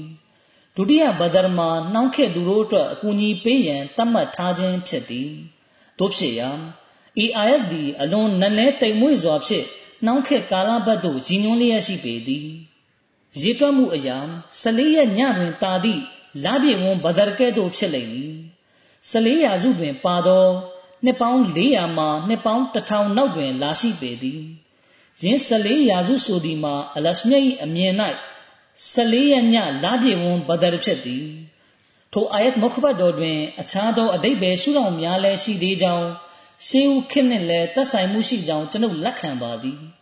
ယင်းကိုပညာရှင်များကလည်းလက်ခံအတည်ပြုထားပြီးသိရှိနားလည်ထားကြပါသည်အကြောင်းဆိုသောဤအာယတ်တော်တွင် ရှုထောင့်နှစ်ခုပါရှိပေရာအကူအညီကလည်းနှစ်ခုရှိရမည်ဖြစ်သောကြောင့်သည်ထို့ကြောင့် ဘဒရကနှစ်ခုရှိရပါမည်ဘဒရတစ်ခုကရှေးဦးခေတ်နှင့်သက်ဆိုင်ပြီးနောက်ဘဒရတစ်ခုကနောက်ခေတ်ကာလနှင့်သက်ဆိုင်ပါသည်ယခုခေတ်ကာလတွင်မွတ်စလင်တို့သည်အဖက်ဖက်မှကြာဆင်းလျက်ရှိကြောင်းအားလုံးအသိဖြစ်ပါ၏အစ္စလမ်ကကနဦးကာလတွင်လည်းတပ်ဖြတ်ခံရသည့်ကြာဆင်းသောအခြေအနေနှင့်အသွင်တူသောခေတ်ဖြစ်စတင်ခဲ့ပြီးဘဒရဖြစ်အရှင်မြတ်ကအကူအညီပေးခဲ့သည့်အတိုင်းအဆုံးတွင်လည်း အစ္စလာမီကြာဆင်းမှုကိုအလရှမြတ်၏အမိန့်ဖြင့်ဘဒရနှင့်ပင်အဆုံးတတ်ရပေမည်အလရှမြတ်ကယခုခေတ်တွင်လည်းဘဒရ၏အတွင်တရာအတိုင်းဖြစ်လာရန်လိုလားတော်မူ၏ထို့ပြင်အရေးတွက်ရလည်းဘဒရတိုင်းဖြစ်ရန်လိုလားတော်မူ၏အလရှမြတ်၏ဝလကဒ်နဆရကုမလ္လာဟူဘီဘဒရင်ငါရှင်မြတ်ကဆလီရဲ့လပြည့်ဝန်းဖြင့်ကူညီခဲ့သည်ဟူသည့်စကားတော်၌ပါရှိသော ရည်ညွှန်းချက်ကိုအနုစိတ်ကြည့်ရှုသုံးသပ်ပါလေတတိမမူလစ်လျူရှုသူများကဲ့သို့မဖြစ်ပါစေနှင့်တန်တရားမရှိလကဒ်နဆရကုမ်ငါရှင်မြတ်ကကူညီတော်မူခဲ့သည်ဆိုသောစကားစုကိုယန်ဆူရုကုမ်အသင်တို့အားကူညီတော်မူမည်ဟူသည့်အတိတ်ပဲဖြစ်လဲအသုံးပြုပါသည်ယင်ကိုထွင်းဖောက်ရှုမြင်တတ်သောပညာရှင်တို့သိရှိနားလည်ကြပါသည်အချုပ်ဆိုရသော အလရှမြတ်ကအစ္စလာမ်အလို့ငါကြာဆင်းမှုနှစ်ခုနောက်တွင်ဂုံတက်မှုနှစ်ခုကိုထားရှိတော်မူပေသည်ယဟူဒီတွေမှာတော့အစ္စလာမ်နှင့်ပြောင်းပြန်ဖြစ်ပြီးဂုံတိတ်ခါတက်မှုနှစ်ခုနောက်တွင်ဂုံတိတ်ခါကြာဆင်းမှုနှစ်ခုကိုတတ်မှတ်ထားရှိသည်ယင်းကိုဆူရာဘနီအစ္စရာအယ်တွင်ဖော်ပြထားပါသည်တို့ဖြစ်ရာမွတ်စလင်တို့သည်ပထမဂုံတိတ်ခါထိခိုက်ကြဆင်းမှုကို မကာတွင်ကြုံတွေ့ခဲ့ရသည်ယင်းကိုအလရှမြတ်ကမိမိထိုစကားတော်တွင် ဖော်ပြထားပါသည်ဥဇီနာလလဇီနာယူကာတလူနာဘီအန်နဟွမ်ဇူလီမူဝအင်နလ္လာဟအလာနစရီဟမ်လကဒီရတိုက်ခိုက်ခြင်းကိုခံနေရသောသူတို့အားပြန်လည်တိုက်ခိုက်ရန်ခွင့်ပြုတော်မူ၏အကြောင်းမူကားသူတို့သည် မတရားပြုနှိပ်စက်ညှဉ်းပန်းခြင်းကိုခံခဲ့ရသောကြောင့်ဖြစ်၏ဧကံပင်အလားသည်သူတို့အားကူညီဆောင်မတော်မူရန်အပြည့်အဝဆွမ်းအားရှိတော်မူ၏ ဂျမ်းမြတ်ကုရ်အာန်20အချိုး40ထိုအာယတ်ထဲတွင်ဖော်ပြထားသောအလာနစရီဟင်မလွဲမသွေငါရှင်မြတ်ကကူညီတော်မူမည်ဆိုသည့်စကားစုအားဖြင့်ယုံကြည်သူတို့၏လက်မှတဆင့်မယုံကြည်သူတို့ပေါ်ပြစ်ဒဏ်ကြားရောက်လိမ့်မည်ကိုရည်ညွှန်းနေပေသည်အလရှမိတ်ထိုဂရီတော်သည်ဘဒရ်စပွဲတွင်ထင်ရှားခဲ့လေသည်မယုံကြည်သူတို့သည်မွတ်စလင်တို့၏ဓာချက်ဖြင့်တေပွဲဝင်ကြရသည်တဖန်မစီမောဒလအစ္စလမ်တခင်မိန့်ကြားတော်မူပါれ ယခု14ရာစုခေတ်တွင်ဘဒရ်စပွဲကာလ၌ဖြစ်ပျက်ခဲ့သောအခြေအနေကတဖန်ဖြစ်ပျက်လျက်ရှိသည်ယင်းနှင့်ဆက်လင်း၍အလရှမြတ်မိန့်ကြားတော်မူသည်မှာဝလကဒ်နဆရကုမလ္လာဟူဘီဘဒရ်ဝအန်တုမ်အဇလ္လာဘဒရ်တွင်အသင်တို့အင်အားကြီးနဲ့နေခဲ့စဉ်အလာဒီအသင်တို့အားအမှန်ပင်ကူညီတော်မူခဲ့၏ဂျမ်းမြတ်ကုရ်အာန်3ချိုး124ဤအာယတ်မုခဘတ်တော်တွင်ကြိုတင်ဟောကိန်းတစ်ခုကိုဖော်ပြထားပါသည်ဆိုလိုသည်မှာ 14ရာစုရောက်ရှိလာသောအခါအစ္စလာမ်သည်အာနေကြဆင်းသွားလိမ့်မည်ထိုအခါတွင်အလရှမြတ်ကမိမိပြုထားသောဂရိတော်အားလျော်စွာအစ္စလာမ်သာသနာကိုကူညီဆောင်မတော်မူလိမ့်မည်။တာဝကတော်များအားဘဒရ်စစ်ပွဲတွင်အလရှမြတ်ကကူညီတော်မူခဲ့သည်။အသင်တို့သည်လူအနှဲငယ်သာရှိသည့်အချိန်တွင်အသင်တို့အားကူညီခဲ့ကြောင်းအရှင်မြတ်ကမိန့်ကြားတော်မူ၏။ထိုစစ်ပွဲတွင်မယုံကြည်တွေ့ဖီမှုကအဆုံးသတ်သွားခဲ့သည်။ ဘဒရ်ဆိုသည့်စကလုံးတွင် အနာဂတ်ကာလနှင့်ပတ်သက်၍တရင်ကောင်းလဲဖုံးကွယ်လျက်ပါရှိလေသည်။ဘဒရ်ဆိုဒီမှာ14ရက်လပြည့်ဝန်းကိုလည်းခေါ်ဆိုပေသည်။ယင်းအဖြစ်14ရာစုတွင် အလရှမိတ်ကူညီဆောင်မမှု ရောက်ရှိလာလိမ့်မည်ဟု၏ထို14ရာစုမှာအဘယ်မျှရေပန်းစားထင်ရှားသည်ဟုမူမိမများကပင်14ရာစုတွင် အစ္စလမ်ပေါ်သို့ကောင်းကြီးမင်္ဂလာများရောက်ရှိလာလိမ့်မည်ဟု၍ပြောတတ်ကြသည် အလရှမိတ်စကားတော်သည်ပြည့်စုံခဲ့လေပြီ14ရာစုတွင်တမန်တော်မြတ်အာမတ်တခင်၏ပုံရိပ်သည်ပေါ်လွင်ထင်ရှားလာလေသည်ထိုသူမှာကျွန်ုပ်ပင်ဖြစ်သည်ထိုအကြောင်းကိုဘဒရ်ဆိုသည့်စကလုံးပါဝင်သောအာယတ်မုခဘတ်တော်ကကြိုတင်ဟောကိန်းပြုထားပေသည်ထိုပွင့်ပေါ်လာမည့်ပုဂ္ဂိုလ်အတွက်တမန်တော်မြတ်ဆလ္လာလဟ်အလัยဟိကဆလမ်ပို့တာခဲ့ပါသည်သို့သောဝမ်းနဲ့ဖွယ်ကောင်းသည်မှာ14ရက်လပြည့်ဝန်ထွက်ပြူလာသောအခါ ထိုပုဂ္ဂိုလ်အားကိုကြိုးရှာသူတကိုယ်ကောင်းဆန်သူအဖြစ်ဝေဖန်တမှုကြတော်သည်ထိုပုဂ္ဂိုလ်အားကြည်မြင်ရသူတို့သည် အမှန်အဖြစ်မမြင်တတ်ခဲ့ကြကြထိုပုဂ္ဂိုလ်ပွင့်သောခေတ်ကိုမှီတော်လဲသူ့အားတိမတ်ခဲ့ခြင်းမရှိကြ။စင်မြင့်ထက်သို့တက်ပြီးဇလေးရာစုနှစ်တွင်ဘယ်ပုံဘယ်နည်းဖြစ်ပျက်လိမ့်မည်စသဖြင့်တက်ကြွစွာပြောဆိုခဲ့ကြသူများကထိုပုဂ္ဂိုလ်ပွင့်ပေါ်လာသောအခါသူ့အားလက်ခံဝင့်မရဘဲတေလွန်ခဲ့ကြလေသည်။ ယခုလာရောက်သူသည်လိန်ညာသူဖြစ်သည်ဟု ပြောကြသည်။၎င်းတို့မိတို့ဖြစ်သွားကြပြီနီ။အဘဲကြောင့်မစင်းစားရပါသနည်း။အဘဲကြောင့်မမြင်ရပါသနည်းတချိန်ကအလရှမြတ်သည်အစ္စလမ်သာသနာအဇစ်လာနေချနေချိန်တွင်ဘဒရ်စပွဲအဖြစ်ကူညီတော်မူခဲ့သည်ဘဒရ်စပွဲတွင်တာဝကတော်373ယောက်ရှိခဲ့သည်လက်နက်ဟူ၍တစ်သားနှင့်လုပ်သောဓာ3-4ချောင်းသာရှိသည်ထို373ယောက်ထဲတွင် အများစုမှာကလေးငယ်များဖြစ်ကြသည်ထိုထက်ပို၍အားနည်းသောအခြေအနေအဘယ်မှရှိပါဦးမည်နည်းရန်သူဘက်တွင်အလွန်ကြီးမားသောစစ်တပ်အုပ်စုကြီးကရှိနေသည်၎င်းတို့အားလုံးသည်အတွေ့အကြုံရှိပြီးသားလူငယ်စစ်သည်များဖြစ်ကြသည်သို့သောတမန်တော်မြတ်ဆလ္လာလဟ်အလัยဟ်ဘတ်တွင်မူရုပ်ပိုင်းဆိုင်ရာလက်နက်နှင့်အခြားမိသည့်အကြောင်းကံမျှမရှိကြထိုချိန်တွင်တမန်တော်မြတ်ဆလ္လာလဟ်အလัยဟ်ကဒဝါဆူတောင်းတော်မူလေသည် အလ္လာဟุမ်မာအင်တုဟလစ်အဟလကတာဟာဇီဟ်အီဆာဘတာဖီလ်အရဒီအဘဒါအိုအလ္လာဟ်အရှင်မြတ်သည်ယနေ့တွင်ဤဂျမတ်ကိုဖျက်ဆီးခြုံငိမ့်စေလိုက်မည်ဆိုလျှင်အရှင်အားကိုးကွယ်မိသူမိသူမျှရှိတော်မူမဟုတ်ပါနားထောင်ကြကုန်ကျွန်ုပ်သည်လည်းကိုရောဆူတောင်းခဲ့သည့်အတိုင်းသာဆူတောင်းပါသည်အကြောင်းမူယနေ့သည်လည်းဘဒရ်စပွဲကာလကအခြေအနေအတိုင်းသာဖြစ်ပျက်လျက်ရှိသောကြောင့်ဖြစ်ပါသည် အလရှမြတ်သည်တစ်ချိန်ကဘဒရ်တွင်ပါဝင်ခဲ့ကြသည့်တာဝကတော်များအတိုင်းဂျမတ်အုပ်စုတစ်ခုကို ပြင်ဆင်လျက်ရှိပေသည်အရွယ်ရောက်ခြင်းပြေဝဆောင်လင်ခြင်းနှင့်14ကဏ္ဍမှာအလွန်ဆက်နွယ်လျက်ရှိပါသည် လာမင်းသည်14ရက်ညတွင်လာပြည့်ဝန်ဖြစ်လာသည့်အတွက်ကြောင့်အလရှမြတ်ကအောက်ပါအာယတ်၌အရေးမွတ်ဖော်ပြထားပါသည်ဝလကဒ်နဆရကုမလာဟူဘီဘဒရင်ဝအန်တုမ်အဇလ္လာ ဘဒရ်တွင်အသင်တို့အင်အားကြီးနဲ့နေခဲ့စဉ်အလာဒီအသင်တို့အားအမှန်ပင်ကူညီတော်မူခဲ့၏။ဂျမ်မြတ်ကုရ်အာန်3ချိုး124ဘဒရ်တခုမှာတမန်တော်မြတ်ဆလ္လာလဟ်အလัยဟိဝါစလမ်ကမယုံကြည်သူတို့ပေါ်အောင်နိုင်ခဲ့သည့်ခေတ်ကာလဖြစ်သည်။ထိုစဉ်ကကိုရောဤနောက်လိုက်အုပ်စုမှာနေပါလာပါသည်။နောက်ထပ်ဘဒရ်တခုမှာကျွန်ုပ်၏ခေတ်ကာလပင်ဖြစ်သည်။ဘဒရ်နှင့်ပတ်သက်ပြီးကာဇီအဗ်ဒူရဟီမ်ဆပ်ကရေးပါတယ်။အဲ့ဒါကဖေဖော်ဝါရီလ18ရက်နေ့က 1904ခုနှစ်ဒါယာဒီမှာရေးသားထားခြင်းဖြစ်ပါတယ်။ယနေ့ညတွင်မစီမောဒ်အလိုင်စလမ်တခင်ကမိမိမြင်မှတ်သောအိမ်မက်ကိုပြောပြမိန့်ကြားပါသည်။အိမ်မက်ထဲတွင်တစုံတစ်ယောက်ကဘဒရ်စစ်ပွဲ၏ဖြစ်ရပ်ကိုမမေ့လိုက်နှင့်ဟုပြောသောအတန်ကိုတခင်ကြီးကကြားရသည်ဟု၏။အလရှမဒီကျွန်တော်တို့ကိုဘဒရ်၏ထူးခြားရေးပါမှုနှင့်ပတ်သက်ပြီးထိုးထွင်းသိရှိနိုင်စွမ်းပေးသနာတော်မူပါစေ။ ကျွန်တော်တို့ကိုတမန်တော်မြတ်ဆလ္လာလဟ်အလัยဟ်ရဲ့နောက်လိုက်ကြေးကျွန်အစစ်မှန်ဖြစ်တဲ့မစီမောဦးတလိုင်စလမ်တခင်ပွင့်ပေါ်လာခြင်းရဲ့သဘောမှန်ကိုအသေးချာသိရှိနားလည်သူတွေဖြစ်အောင်အရှင်မြတ်ပြုပေးတော်မူပါစေမွတ်စလင်အွမ်မတ်လည်းဘဒရ်ဖြစ်ရဲ့ကိုနားလည်သိရှိနိုင်ကြပြီတမန်တော်မြတ်ဆလ္လာလဟ်အလัยဟ်ရဲ့ကြေးကျွန်အစေတော်ဖြစ်ပွင့်ပေါ်လာတဲ့ဂရိတော်ရမစီကိုလက်ခံနိုင်ကြပါစေဒီလိုအားဖြင့်မွတ်စလင်တွေဟာ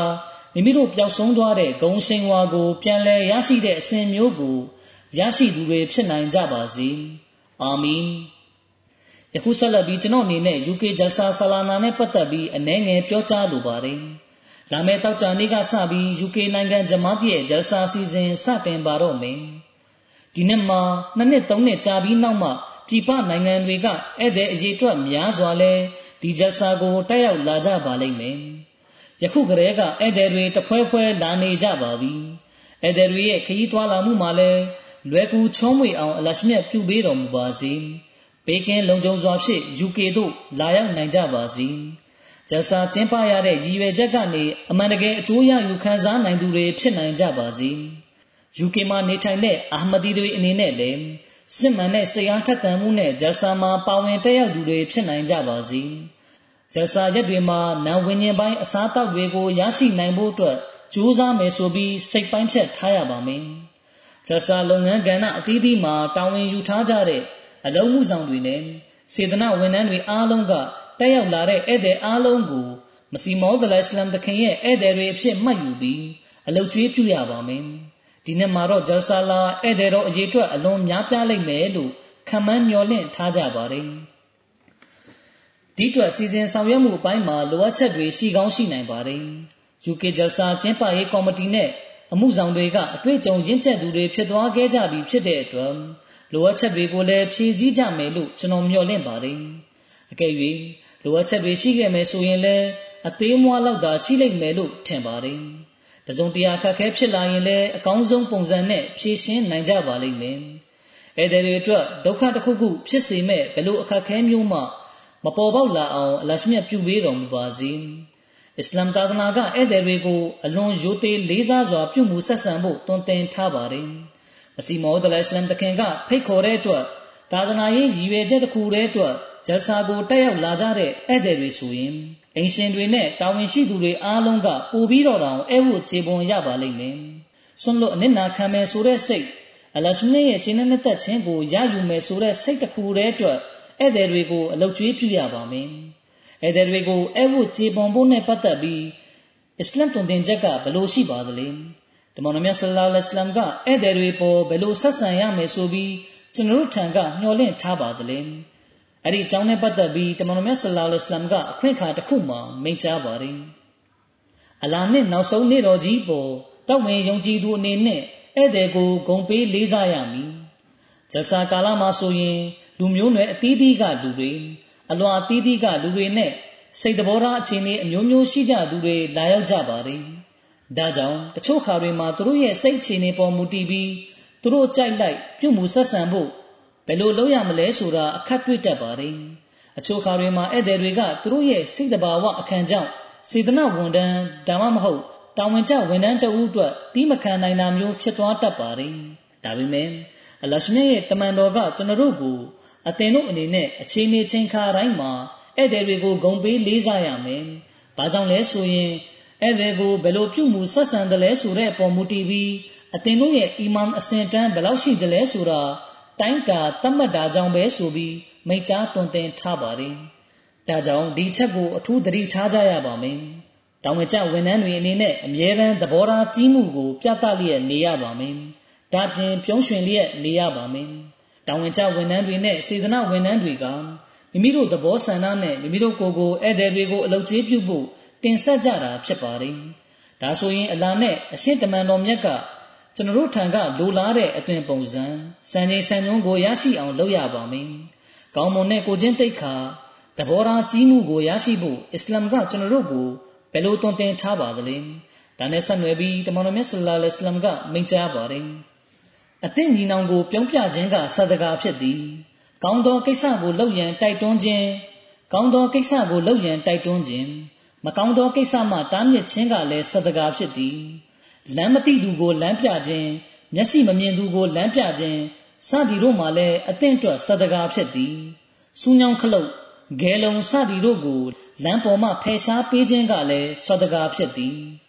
မိမိအိတ်ထဲမှမိမိညီနောင်၏အိတ်ထဲသို့ တစုံတရာထည့်ပေးခြင်းကလည်းဆဒကာဖြစ်သည်ဒီစံချိန်စံညွှန်းကအာမဒီတိုင်းစီမှာရှိရပါမယ်အခုကျွန်တော်ကအထူးသဖြင့်အလုံးမှုဆောင်တွေနဲ့တာဝန်ကျဝန်ထမ်းတွေကိုမှာကြားနေတာဖြစ်တဲ့အတွက်အထူးသဖြင့်၎င်းတို့ကိုမှာကြားလိုပါတယ်၎င်းတို့အနေနဲ့အမြဲတမ်းပြုံးရည်လျက်နေခြင်းကအလွန်ကြီးမားတဲ့အရေးသွေးတစ်ခုပဲဖြစ်ပါတယ်တာဝန်ထမ်းဆောင်နေချိန်မှာအဲ့ချိန်ကအလွန်နဲတက်ပါတယ်ပင်မနွမ်းနယ်တက်ပါတယ်အဲ့ဒီလိုဖြစ်နေရင်တောင် ပြုံးရည်လျက်နေရမယ်ဆိုပြီးအစ္စလာမ်ကတွန်တင်လမ်းညွှန်ထားပါတယ်စိတ်ကြည်ပြူရှင်ပြစွာအလုတ်ကျွေးပြုရပါမယ်ပြီးတဲ့နောက်ကျန်တဲ့ဌာနအသီးသီးပြင်အထူးသဖြင့်တရဘီယတ်ဌာနအနေနဲ့တစုံတစ်ယောက်ကကျွန်တော်တို့ဂျာစာပေါင်ဝင်းခြင်းနဲ့မကိုက်ညီတဲ့အလုပ်ကျွန်တော်တို့တွင်တင်ချက်နဲ့ဆန့်ကျင်တဲ့အလုပ်ကိုလုပ်ထားတာတွေ့တယ်ဆိုရင်အဲ့ဒီလူကိုနူးညံ့တိမ်မွေ့စွာချစ်ခင်စွာရှင်းပြရပါမယ်လမ်းမသိတဲ့လူကိုလမ်းပြရမယ် လမ်းပြဖို့အတွက်အဖွဲ့တွေကိုလည်းဖွဲ့ထားပါတယ်နေရာတိုင်းမှာလမ်းညွန်ဆိုင်းပုတ်တွေကိုလည်းချိတ်ဆွဲထားပါတယ်အဲ့ဒီမှာလမ်းညွန်တွေကိုလည်းရေးသားထားပြီးသင်္ကေတအမတ်သားတွေကိုလည်းရေးဆွဲပြသထားပါတယ်ဒီလိုရှိသည့်တိုင်တာဝန်ကျဝန်ထမ်းတယောက်ယောက်ကိုလမ်းလာမေးတယ်ဆိုရင်လည်းလမ်းပြပေးရပါမယ်လမ်းပြဖို့တာဝန်ပေးထားတဲ့အဖွဲ့ကပဲလမ်းပြပေးရမယ်ဆိုတာမရှိပါဘူး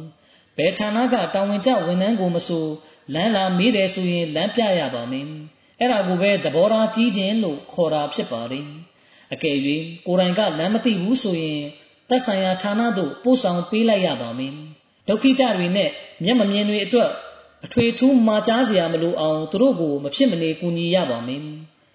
လမ်းပေါ်တွေနဲ့နေရာတီးတီးမှာဧည့်သည်ပဲဖြစ်စေအခြားဘသူပဲမဆိုတခါသုံးခွက်တွေစက်ကူတွေတ िश ူးတွေနဲ့အမိုက်တိုက်ကိုပြစ်ချသွားကြတယ်ဆိုရင်တန်ရှင်းရေးဌာနကတော့ဒါတွေကိုတန်ရှင်းရေးလုပ်ပါတယ် ဒါပေမဲ့လည်းဘယ်တာဝန်ကျဝန်ထမ်းမဆိုလမ်းပေါ်မှာနဲ့အခြားတနေရာရာမှာအမိုက်တစ်ခုခုတွေ့တယ်ဆိုရင်အနည်းဆုံးအမိုက်ပုံထဲမှာသွားထည့်လိုက်ရပါမယ်။ဂျဆာစီစဉ်ကျင်းပရေးကော်မတီဝင်တွေအနေနဲ့နေရာတကာမှာအမိုက်ပုံတွေကိုစီစဉ်ထားရပါမယ်။တဘာရီမှာပဲအမိုက်တရိုက်တွေကိုပြစ်မချသွားအောင်တာဝန်ရှိသူတွေကိုကြက်မှတ်ပေးရပါမယ်။ချက်ပြုတ်ရေးဌာနအနေနဲ့လည်း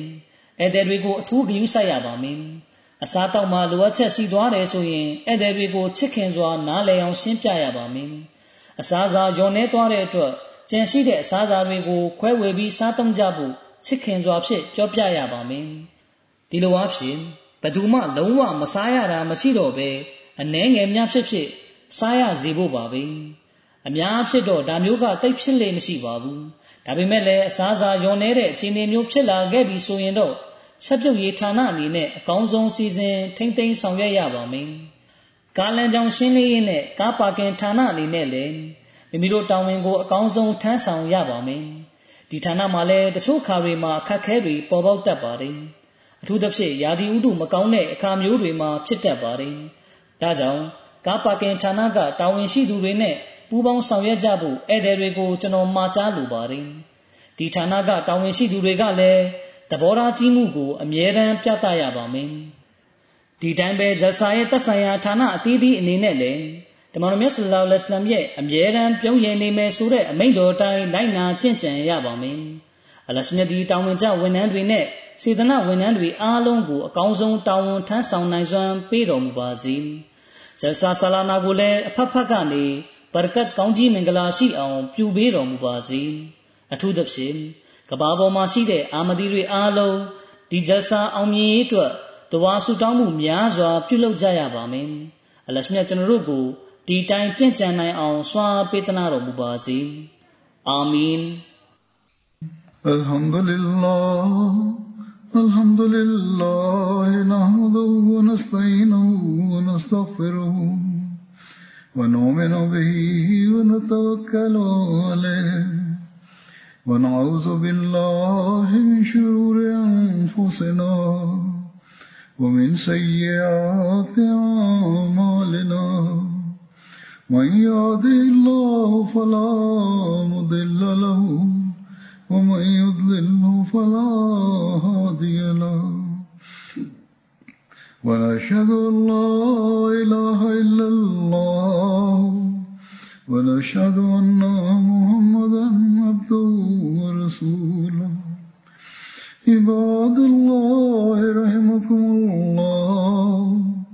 إن الله يأمر بالعدل واللسان وإيتاء ذي القربى وينهى عن الفحشاء والمنكر والبغي